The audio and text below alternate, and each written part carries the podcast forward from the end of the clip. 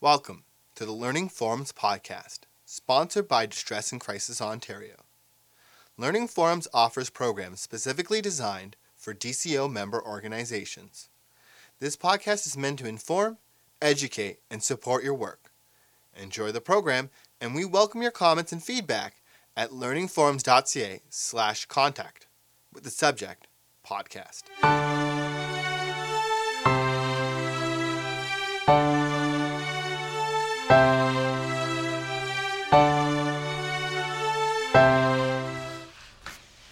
First of all, Andrea, do you give me permission to record this? Yes, I do. Yes. Okay, good. Why don't we start with you telling us a little bit about who you are as a person? Okay. Okay, so I my name's Andrea and I'm 46 years old. I would describe myself as uh, a complex, multifaceted person who has struggled with an opiate addiction for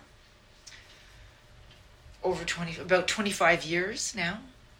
My interests are uh, yoga, spirituality, nutrition, art, learning, education, psychology, mm, all things that have been woven into my life uh, throughout my addiction and as well, and things that have supported me in my struggle to uh, to avoid death ultimately.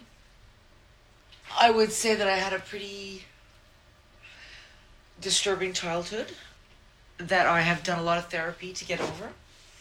Mm, I have two parents who are. I don't know if I should my parents. Hmm. I guess okay.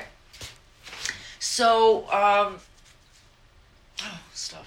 I don't even know how much. Okay, so you asked me to tell you a little bit about myself. Um, so I'm an only child. Um, and I bring that up because I'm somebody who naturally, well, I've been living on my own since my since since my early twenties. I've had a few. I always like to joke that I've had a few boyfriends move in, and subsequently out. Um, but I've never, um, I've never been married. I've never, I've not had children. Um, I've never moved in with a guy, um, or with a partner, or even with a roommate. Um, I've lived a lot of my life alone. I, so I'm an only child. I had a very lonely, very isolated, uh, neglectful childhood. And I think that my mom, who was adopted and then given up by her adoptive mother, also grew up very much alone. And I think that that, I think that um, I think that that's a thread that has remained with me this sort of sense of isolation. And since we're talking about opiate addiction today, I think that the opiates, primarily for me, in a, in a psychological sense, um, allowed me to cope with my aloneness, with my disconnection, and allowed me to endure um, years and years of a sense of not belonging sense of loneliness and isolation. So when I describe myself, asking a bit about myself, I would I'm generally described as very social. Uh, I can be, you know, I'm.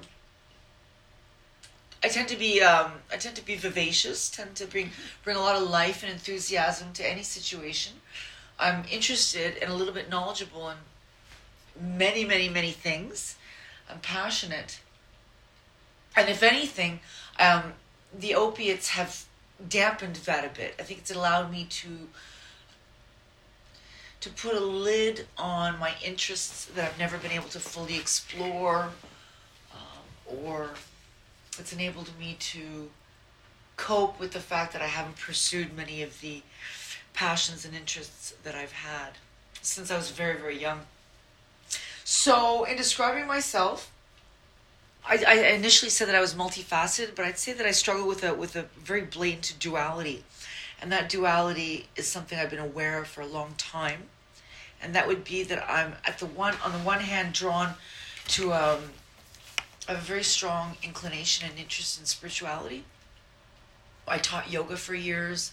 I've pursued meditation and Buddhism, and yet all throughout those years, I struggled with a with a heroin addiction, and they seem mutually exclusive. And I haven't met too many people in my life who've um, at the same time struggled with both, but that is a big part of my story. That I I, I I'm sort of polarized. I used to describe myself in two. Um, as fragmented in two. There was yoga teacher, health food, vegan, you know, very artist Andrea, and then there was junkie heroin addict Andrea.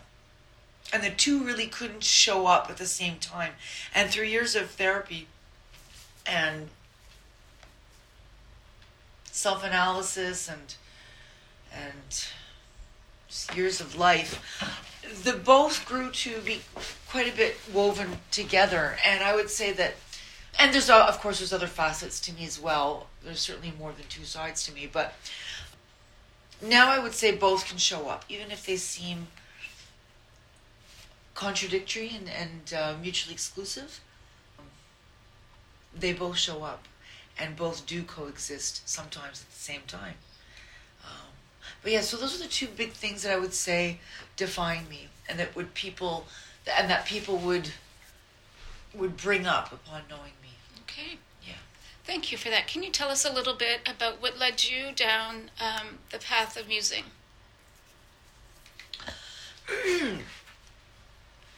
So, I had begun. So at a young age, so like I said, I was uh, an only child, very neglected at home. My mom was depressed, uh, dissociated, and I would say I, I semi joke about it, but I would say that I was born with a with an allergy to my mom. We never had an attachment. Um, there was no attachment there, and in fact, I think as the result of years of severe neglect, um, I couldn't even be in the same room. We didn't eat together from a young, young age. And I developed, I, I sort of went off and developed a lot of my interests. I don't really know how they became what they were. But I, at a young age, around 10, 11, 12, was very interested in. Um, I think I, I was already depressed at that age, but I was very interested in punk and alternative lifestyles. And this is going back to the '80s when it was very. Um, it was very uncommon for people to be interested in this stuff. This was when, um, you know, you might get expelled from school for having dyed hair, or, I mean, I used to alter my own clothes and and cut my own hair and I remember the first time in grade five, I, I went to school with some red hair. The um, the principal called my mom, and my mom didn't even know I dyed my hair red. Um, anyways, it was a small little Catholic school. I, I bring all this up because at that young age, I was already drawn to sort of an alternative lifestyle, and I was already identifying sort of as a punk alternative person. And um, so by the time high school, so but I was I was very much I, I did really well in school, but I was you could tell that there was if you look at class photos you would see that i stand out from the other kids i didn't look anything like the other kids my age uh, so by the time grade 9 comes um, so this is going back to grade 5 grade 6 grade 7 grade 8 i go to grade 9 high school. I meet a few people. I meet a few people who are uh, punk and they're starting to hang out downtown. And um, so I started hanging out in the punk scene downtown, and that's when I began to drink a bit and do drugs.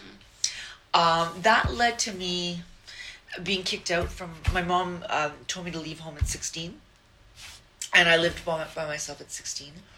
On my sixteenth birthday, uh, I left home. I continued with high school. I did move back home with my dad, but all throughout those years, my teen years, you know, I experimented with acid and pot and drinking. Uh, I've done cocaine a few times, but um, but yeah. So drugs were part of my teenage years.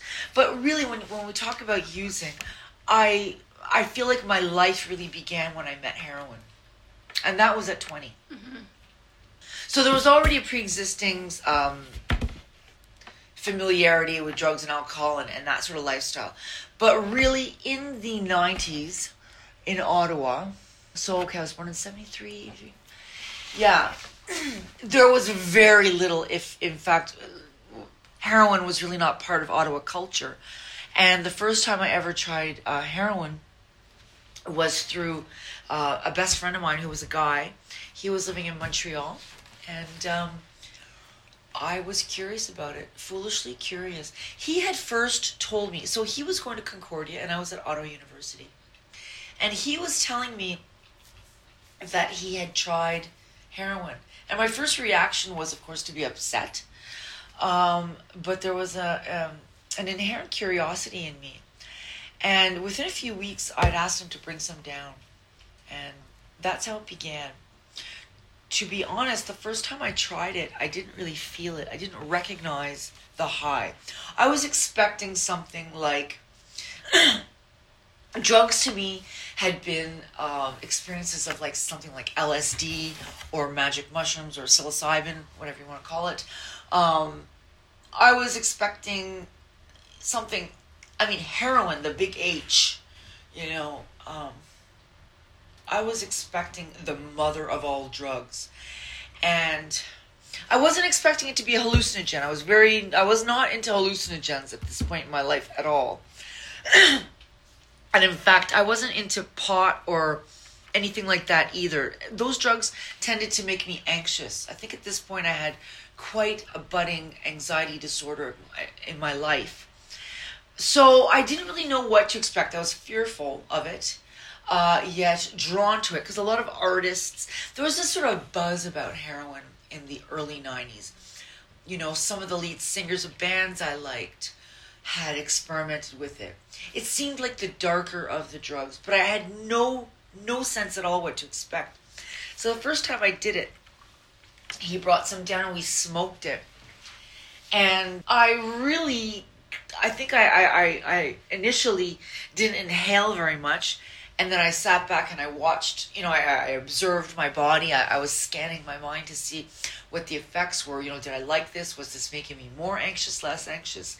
And to be honest, I didn't feel it at all.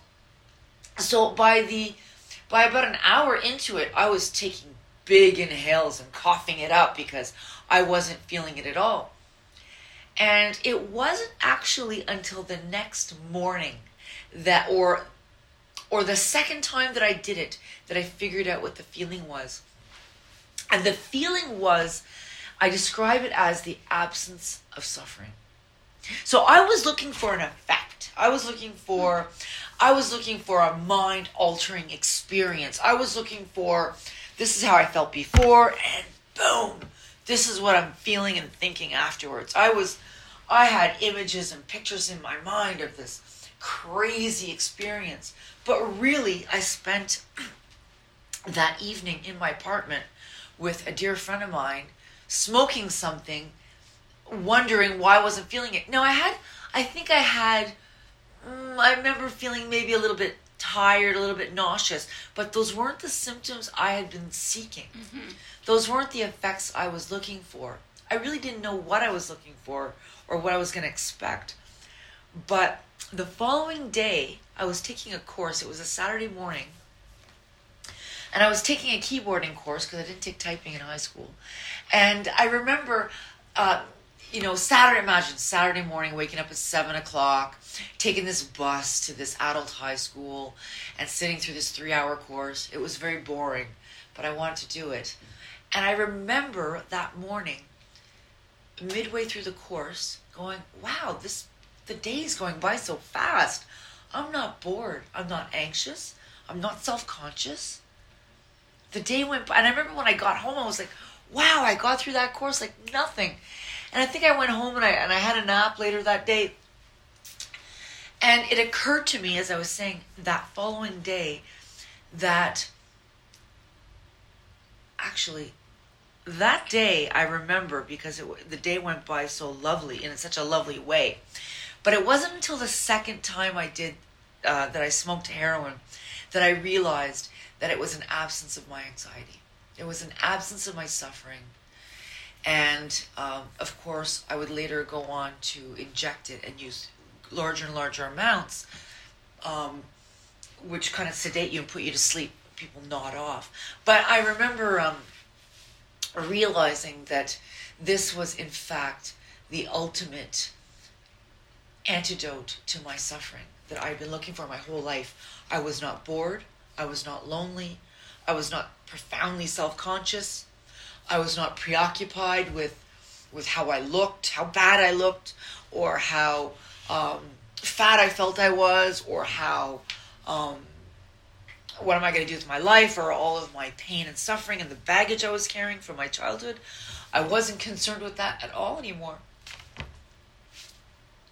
It um, And it, that sounds Yeah. to me like when you said earlier, Andrea, about that's when your life started.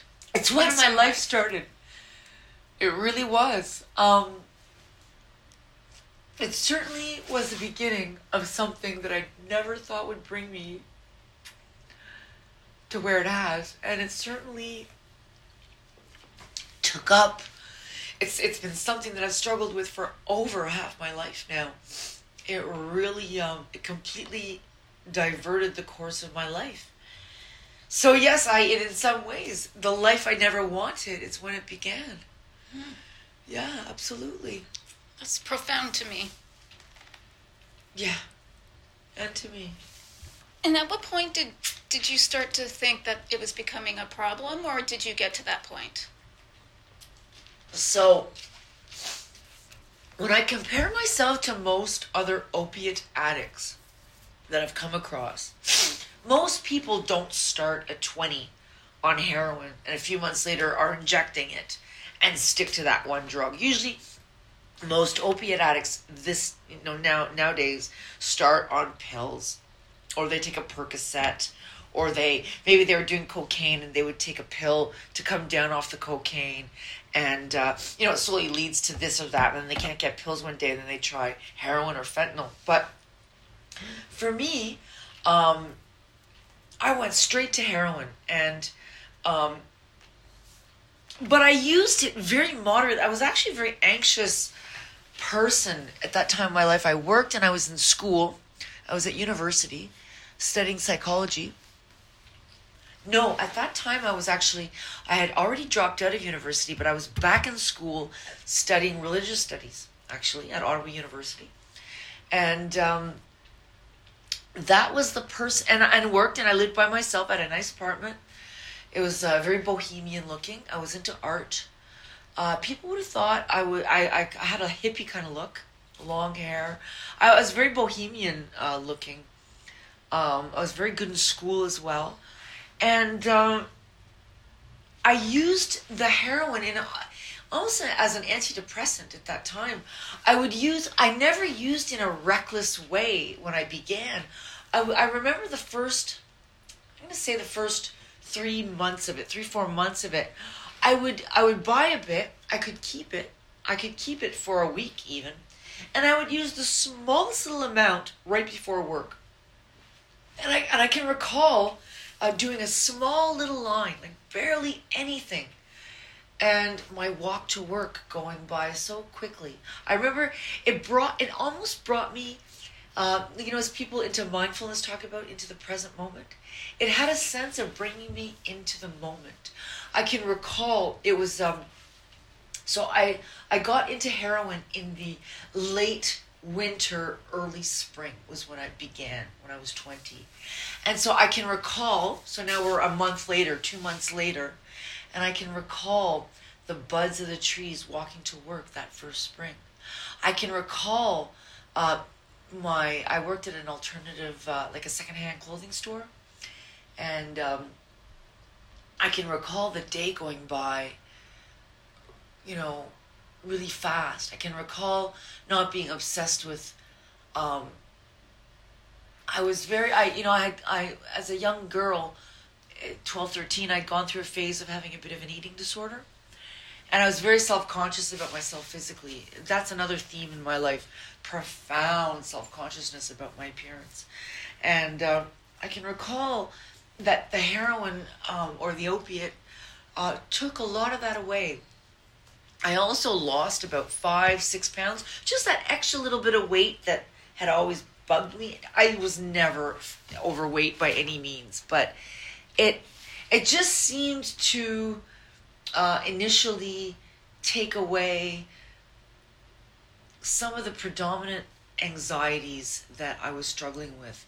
And um, it took a long time before it became a problem. Um, so within a few months of snorting it with no big and in fact uh, let me let me rewind. I had been hanging out with quite a wild crowd from my teenage years the punk crowd. And um, you know as as we were entering our 20s a lot of us you know we're pretty wild drinkers. And you know i used to go out drinking a lot at that time. And sometimes when i went out drinking i would get myself into some situations i really didn't like and it would leave me with days of regret or i would behave in ways that uh, would haunt me for days but when I discovered heroin, first of all, I stopped drinking basically. I didn't want to drink anymore. It killed my boredom, so I didn't feel compelled to go out and have fun uh, with my friends. I was completely happy to be alone or to hang out with my close friend that I was doing it with. So, in some ways, I felt like my life had improved. I was no longer going out getting myself into situations. And yeah, I, I became more of a homebody. It, it deepened my isolation, if anything. So there are all these benefits, right? And then I become curious about injecting it. The guy that I get into it with, he tells me that he's been injecting it. And my first reaction to hearing that was I cried. I got very upset. Oh my God, what are you talking about? Actually, we were out having a beer when he told me, and I remember being really upset and crying and going, "Are you are you fucking serious? You you're injecting heroin? Like, do you realize?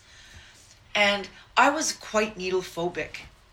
Uh, I remember when I was 18, there was a meningitis, meningococcal outbreak in Ottawa. And in grade 13, we all had to get immunized. And I remember for days being terrified with, about this needle. And uh, the anticipation of it uh, was quite extreme for me. So the thought of injecting was was was was not a possibility for me.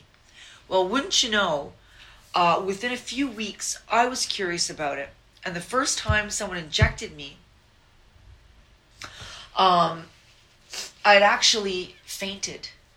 Uh, a girl held my hand. At this point, I'd met a couple of people. I'd met a couple who could get me the heroin in Ottawa. Uh, but the girl held my hand, and the guy who injected me injected me into my ankle. He didn't. I didn't want to do it in my arm because people would see.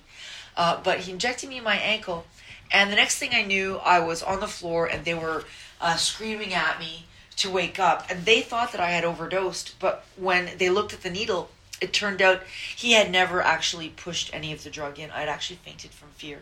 Hmm. The only time in my life I've ever fainted. So if that speaks to my fear of needles, um, well, it should speak to my fear of needles. Uh, later on that night, so I, I, I left after that. The guy that I'd gotten into the heroin with, who at this point was my boyfriend, was waiting for me downstairs in the at the bottom of, of this guy's building, of this couple's building. And uh, later on that night, he, with shaking arms, shaking hands, uh, injected me for real with, with some heroin within a few weeks or months, a month, I was injecting myself. Um, I quickly got over that fear. Still not a problem in my mind. So now we're six months into it. Um, it wasn't until about a year and a half later um, that things really fell apart. I was in school. I had been in school and working a lot. And uh, he was living with me or staying with me, and um, his addiction was quite a bit more out of control than mine. He struggled a bit more with polysubstance use. I mean, he would drink. He would he would drink, and and get really. Um, I I would say that he was much further along along his addiction than I was, and um, he. Anyways, long and the, and the short of it was he blew through his OSAP money. We were dipping into my OSAP money. Um, he had taken some checks from his mother, and who was a schizophrenic alcoholic poet, published poet, and um, he'd written out some checks uh, to me from her which were illegitimate. I did not know. I put them in my bag, and my and then they bounced, and I'd blown through my money, and uh, I got a call from the Royal Bank, and they said we're going to charge you with fraud if you don't pay us back this money, and it was it, it, at this point it came out to about a thousand dollars, and um, this was when Interac first came out. You could just everybody could just put in a piece, you know, a, a fake check and take out money. So, um, anyways, I got into a bit of trouble. Uh, my mom ended up paying me back, and um, someone, one of my friends at this point, I think had called my mom and told her. When did I first discover it was a problem? Or what was the question? Yeah, when did it start to feel like it was becoming a problem? When did it start to become? Uh, when did it start to become a problem? Well, at this point, the first, I always say this: early uh, opiate addicts tend to lose weight. Late heroin addicts, it may, they maintain their weight or gain weight on opiates because um, you're usually less active. If anything, it's it's very constipating, and and if anything, you crave a lot of sugar. but uh, at this point, I was in my early opiate addiction, and I was quite thin. I remember my boss at work telling, asking me, "How did you lose so much weight?" And I remember saying, "Oh, I'm just oh, portion control." At this point, I wa- At this point, I loved all of the benefits of heroin. I was not going out drinking, getting, you know, acting in ways that felt incongruous to my to myself, and I liked that I was so thin it was the early 90s, and this is before Trainspotting or Pulp Fiction comes out with those scenes with the, you know, to do with heroin. And it's certainly the, the term heroin chic's coming out, but, you know, my friends here in Ottawa, some of them find out about it. But I think that I've discovered the greatest thing in the world, and it's all mine. I can't believe that I have stumbled upon, upon this this this great elixir. I, I think that I have found the greatest thing ever and it's all mine. I don't I remember wanting to hold it and keep it secret. I didn't want people to know about it. I didn't want to tell other people or turn other people onto it. Uh, I mean, I mean that would be wrong anyways, but at this point I felt like I had discovered this this very special thing. And um, it was truly like a falling in love. Um,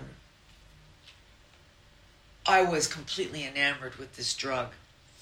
Uh, but I still didn't feel like it was a problem or it wasn't really becoming a problem yet. But yeah, so my boss was noticing I was thin. My mom was noticing I was thin. I was showing up at uh, school sometimes, falling asleep during class because I was high.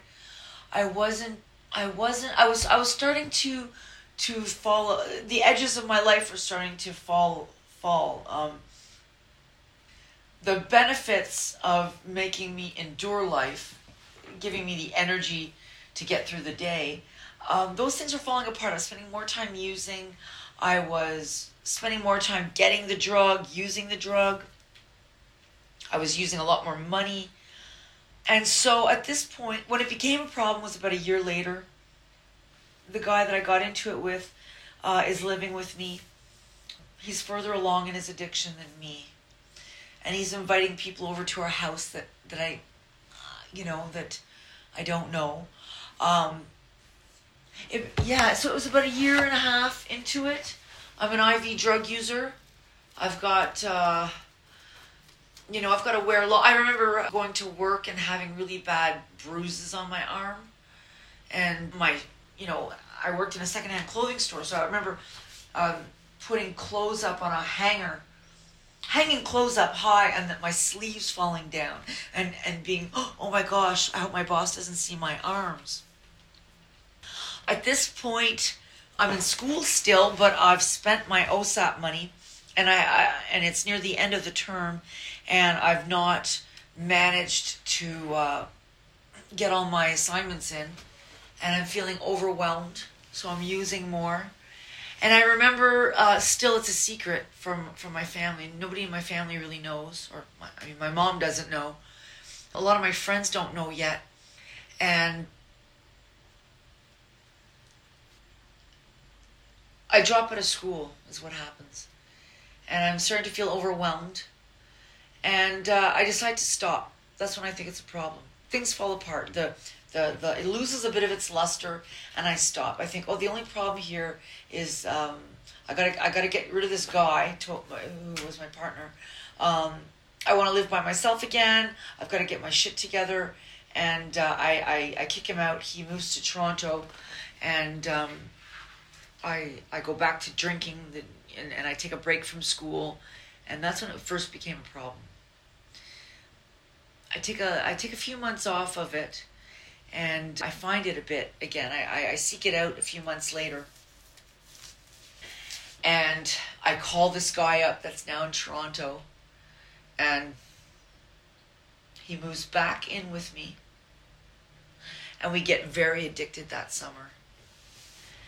And we both decide to go back to university that fall. He blows his whole OSAP check. He actually moves into the apartment next to me. And that fall was when things really unraveled for the first time. And so you asked me when things first became a problem. Or how did I first notice I became addicted? Or was that the question? When and how did I first notice myself becoming addicted? Mm-hmm. So I would say that in the first two years of my opiate addiction, things fell apart. But what happened was, I went, I got clean for a bit. And when I relapsed after that, oh, I'm so sorry. How, how will I describe this? Okay.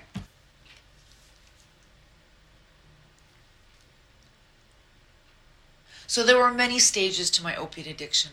Many, many stages to it. I'm a long term opiate addict. I'm a chronic opiate addict. I've never managed to get more than, I've never had a year clean off of opiates. And that's with or without methadone. And what happened throughout my addiction is that I became better and better and better at being a high functioning opiate addict. I learned how to be a functioning opiate addict.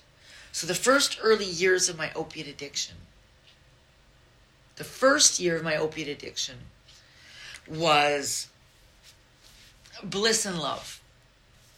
The second year of my opiate addiction, I completely fell apart. I blew through money. I dropped out of school. I went to treatment. I left treatment. I. Oh, I don't even know how to describe it. Okay, so I didn't realize. So I just gave you the example of describing addiction like a, a like an illness. Um, so I didn't really think that I had a serious problem with opiates. So when I first got addicted to opiates, I thought I, I thought the problem was the opiate. I thought I thought the problem was I needed to stop. So I got rid of the boyfriend, I got rid of the drug, and I went and got clean. But it wasn't until I tried to get clean over and over and over. It wasn't until I went to Narcotics Anonymous repeatedly and failed. It wasn't until I'd gone to a couple of treatment centers or I tried methadone, come off methadone and failed, that I realized that. Ah, can we rewind and, and negate that? Oh. So Andrea told me a few things after we got off um, from recording that she gave me permission to edit, so maybe we can put in the intro. She's tried um, almost every possible way to be um, free of her addiction, and um, even included moving into a yoga yoga home, as well as um, going and living with her father, living cold turkey. Uh, she's um, been to every type of therapy, and she's worked quite hard on trying to stay clean. And you know, we had a philosophical question at the end. You know, is it clean if you're on methadone? And I think she talked about some of the self worthing that they have about that. So, as an example, uh, she told me a story about going into NA, and someone came up and said to her, "You know that man over there is interested in you, but you have a reputation of being um, a repeater. When are you going to get your shit together?" So that shame of having to try over and over and over again is something they live with.